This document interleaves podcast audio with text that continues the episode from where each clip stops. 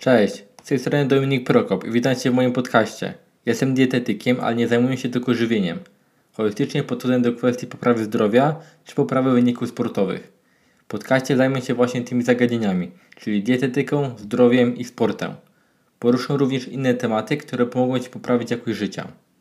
Pierwszy odcinek podcastu poświęcę poprawie jakości snu. Przygotowałem specjalnie dla Ciebie aż 15 sposobów, które mogą Ci w tym pomóc. Zacznijmy od tego, co to jest sen. Sen jest to podstawowa, niezbędna czynność dla organizmu. Jedna z definicji mówi, że to regularnie powtarzający się spontaniczny stan charakteryzujący się zmniejszoną zdolnością do reagowania na bodźce zewnętrzne. A jaka jest rola snu? Jest to podstawowa odnowa organizmu, regeneracja włókien mięśniowych i układu nerwowego, zmniejszenie bodźcowania, zapewnienie prawidłowej sprawności układów hormonalnego, sercowo-naczyniowego i nerwowego, w tym obniżenie ciśnienia tętniczego, poprawa percepcji, tempa reakcji i zmniejszenie stanów zapalnych. Jakie są normy? National Sleep Foundation, czyli organizacja charytatywna zajmująca się poprawą zdrowia i samopoczucia poprzez edukację i popieranie snu, ustaliła zalecany czas snu. Dla osób dorosłych zalecana długość snu to od 8 do 10 godzin. Jednak sen trwający od 10 do 11 godzin, a także taki, co trwa 6 godzin, również może być korzystny. W przypadku młodzieży w wieku od 14 do 17 lat rekomendowany czas snu to od 8 do 10 godzin. Długość snu, która również może być korzystna, to 7-11 godzin. Pewnie zastanawiasz się, skąd wynikają te wartości, które również mogą być korzystne. Każdy człowiek jest inny i ma inne geny, i stąd mogą wynikać właśnie te różnice. Danej osobie może wystarczyć do prawidłowego funkcjonowania np. 6 godzin, jednak inna, żeby być tak samo zregenerowana, potrzebuje aż 10 godzin snu. Należy zaobserwować to, jak najlepiej się czujemy. Sen a nadwaga. Krótki jego czas powoduje zwiększenie się insuliny, stanów zapalnych, masy ciała i greliny, czyli hormonu głodu. Zmniejsza się również poziom leptyny, czyli hormonu sytości. Powoduje to zmniejszenie uczucia sytości i pogorszenie wrażliwości insulinowej. Dodatkowo zwiększa się kortyzol, czyli hormon stresu.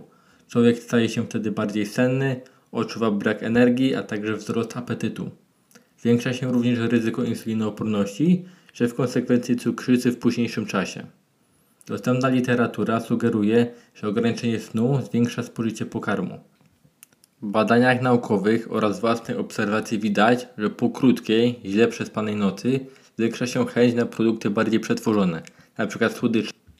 Taki stan naukowcy potwierdzili również w przypadku dzieci i nastolatków, u których już 5 nocy ograniczenia snu może powodować zwiększone spożycie słodyczy i potencjalnie zwiększenie ryzyka otyłości. Sen a zawał serca. W porównaniu ze snem od 6 do 9 godzin w nocy Osoby śpiące krótko miały o 20% wyższe ryzyko zawału serca, a osoby śpiące dłużej niż zalecany czas o 34% wyższe ryzyko. Zdrowy czas snu zmniejszał ryzyko zawału serca nawet u osób z wysoką odpowiedzialnością genetyczną.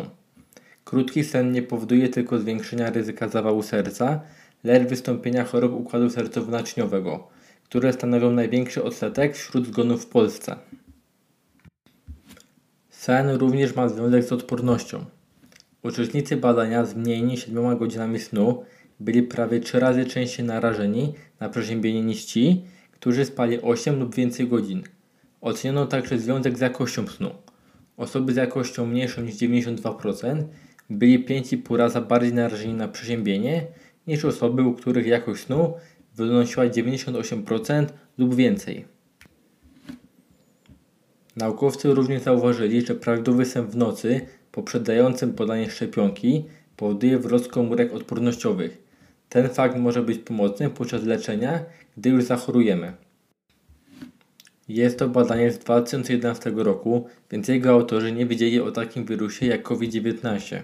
Dlatego jego wyniki nie powinny być tak sceptycznie odebrane ze względu na obecne różne podejście do szczepionek na wyżej wymienionego wirusa, czy także przez decyzje związane właśnie z pojawieniem się COVID-19. Sen wpływa również na testosteron.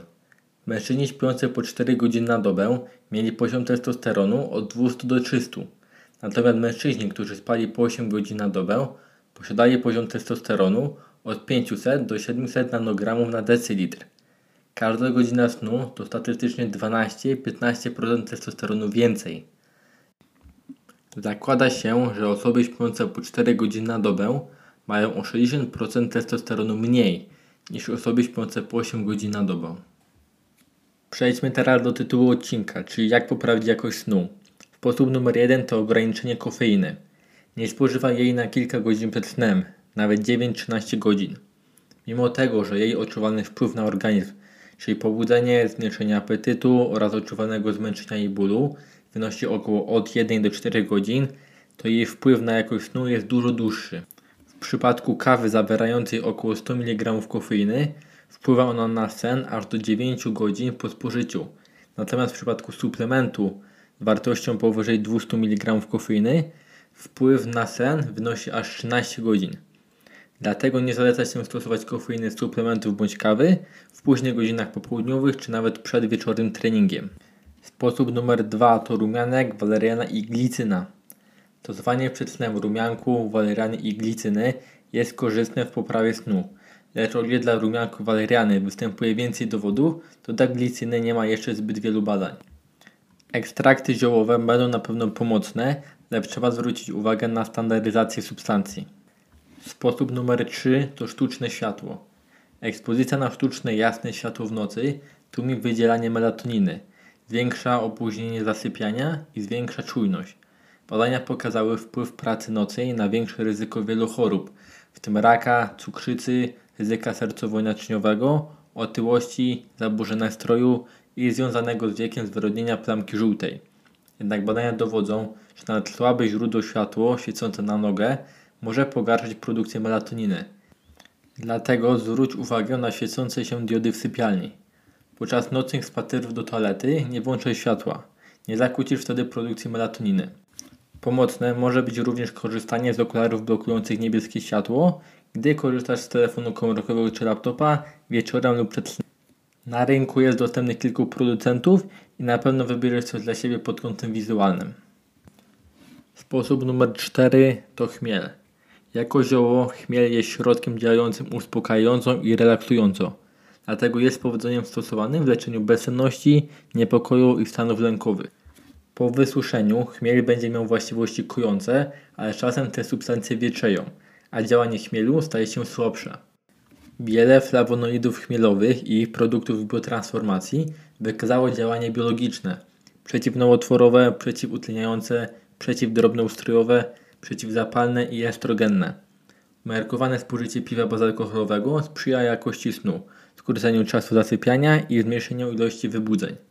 Wyniki badań wykazały, że grupa otrzymująca ekstrakt chmielu w dawce 2 mg na dzień, podobna dawka znajduje się w piwie, będzie najkorzystniejsza na poprawę snu. Jednak muszę zmartwić miłośników piwa. Alkohol spożywany przed snem zmniejszy czas zasypiania, ale pogorszy jakość snu, co spowoduje większe zmęczenie następnego dnia. Dlatego zalecam opcję bezalkoholową. Dodatkowo dochodzi ryzyko rozwoju się alkoholizmu. Sposób numer 5 to wystawianie się na światło słoneczne. Wystawianie się na bezpośrednie działanie promieni słonecznych wydaje się być skuteczne w zwiększaniu wyników jakości snu. Powoduje to również produkcję witaminy D, której niedobór ma większość Polaków. Wiele badań pokazuje, że odpowiedni poziom tej witaminy poprawia jakość snu, zwiększa jego długość i zmniejsza czas latencji. Dlatego ważne jest wystawianie się na promienie słoneczne zaraz po przebudzeniu, a w okresie jesienno-zimowym suplementacja witaminy D najlepiej pod postacią leku, np. Vigantol czy Vigantoleten 1000. Sposób numer 6 to kołdra obciążeniowa. Aktywuje ona propriocepcję, czyli czucie głębokie. Dzięki niej nasze ciało ma ulepszoną orientację ułożenia swojego ciała. Dodatkowo taki delikatny ucisk na ciało powoduje uczucie relaksu i uspokojenia, co pomaga w zasypianiu, ale także wpływa na jakość i głębokość snu. Może również ona wpływać na poziom kortyzolu, tak zwanego hormonu stresu, oraz serotoniny, tak zwanego hormonu szczęścia. Jednak ciężko to dokładnie udowodnić i sprawdzić. Ile powinna ważyć taka kołdra? Poleca się zacząć od mniej więcej 10% masy ciała. Niektórzy jednak preferują kołdry cięższe niż 10% masy ciała, ponieważ wtedy lepiej odczuwają jej benefity. W przypadku spania z drugą połówką korzystnie wybrać dwie różne kołdry odpowiednie do danej masy ciała. Sposób numer 7 to palenie papierosów. W aktualnych badaniach zaobserwowano synergiczny efekt między paleniem a bezdechem sennym, zarówno zwiększając ryzyko chorób sercowo-naczyniowych poprzez stres oksydacyjny, dysfunkcję śródbłąka, jak i nienormalną odpowiedź zapalną. Dodatkowo palenie papierosów podnosi ciśnienie krwi, co niekorzystnie wpływa na sen. Jeśli nie rezygnujesz całkowicie z papierosów, to postaraj się ograniczyć palenie przed snem. Sposób numer 8 to drzemki. 20 minut to idealny czas na drzemkę, jeśli chcesz obudzić się czujny, wesoły i produktywny. Godzina lub dwie po obiedzie to naturalny czas na drzemkę, ponieważ spada poziom cukru we krwi i energii. Drzemanie przez 30 do 60 minut powoduje, że dojdziesz do etapów snu, w których fale mózgowe zwalniają, powodując, że po przebudzeniu czujesz się niespokojny, tak jakbyś miał kaca. Również przed drzemką niższa temperatura w pokoju, jego zaciemnienie będzie optymalne. Unikaj dodatkowo wieczornych drzemek, ponieważ mogą negatywnie wpłynąć na zasypianie. Sposób numer 9. Niższa temperatura w pokoju. Sugerowana temperatura w sypialni powinna wynosić od 16 do 19 stopni Celsjusza dla optymalnego snu. Dla dzieci będzie to temperatura nieco wyższa, ponieważ od 18 do 21 stopni Celsjusza. Jeśli Twój pokój jest chłodny, a nie ciepły, o wiele łatwiej będzie zamknąć oczy na noc. Ustawienie termostatu znacznie niżej lub wyżej niż zalecane wartości może prowadzić do niepokoju może to również wpływać na jakość snu. Sposób numer 10. Wiewiecz sypialnię. Wieczenie sypialni również korzystnie wpływa na sen. Zawsze warto zadbać o źródło świeżego powietrza. Warto jednak unikać otwierania okna, np. gdy ktoś w okolicy robi ognisko, czy pali w piecu tym, czym nie powinien i unosi się nieprzyjemny zapach. Sposób numer 11. Melatonina.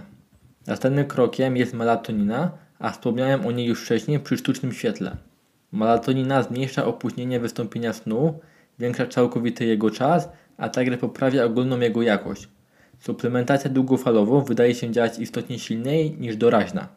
Dodatkowo suplementacja melatoniną nie wpływa na wydzielanie endogennej melatoniny, czyli tej produkowanej przez organizm. Zalecane dawki to od 0,5 mg do 3 mg, jednak najpierw postaraj się wprowadzić inne przedstawione metody. Część osób może negatywnie reagować na melatoninę i nie będzie ona dla nich najlepszą opcją. Pomocy może być wtedy np. honokol albo etas. Można skorzystać też z gotowych produktów zawierających połączenie kilku składników, a produkty dobrej jakości są dostępne na rynku. Sposób numer 12 to kolacja. Według wielu badań ostatni posiłek powinien być spożyty około 1 do 2 godzin przed snem. Należy zawrzeć w nim węglowodany o wysokim lub średnim indeksie glikemicznym, np. ryż, kasza, makaron, kasza manna czy niektóre owoce. Obowiązkiem jest również źródło białka, np. mięso, jaja, ryby czy sery twarogowe. Zawartość tłuszczu również jest wskazana, ale nie powinno być go zbyt dużo. Tryptofan jest aminokwasem, który bierze udział w produkcji melatoniny. Produktami bogatymi w tryptofan będą peski dyni, siemielniane, nasiona sezamu, peski słonecznika, mozzarella light, mięso, ryby i soja. Spożycie cierpkich wiśni powoduje wzrost melatoniny oraz zmniejsza również stan zapalny w organizmie. Spożywanie dwóch trzech owoców kiwi może poprawić początek snu, czas trwania i wydajność snu. Oczywiście kiwi jemy razem ze skórką, choć wiele osób może się tego dziwić. Część osób preferuje jednak zasypiać bardziej na pusty żołądek, gdy od kolacji minęło około 4-5 godzin.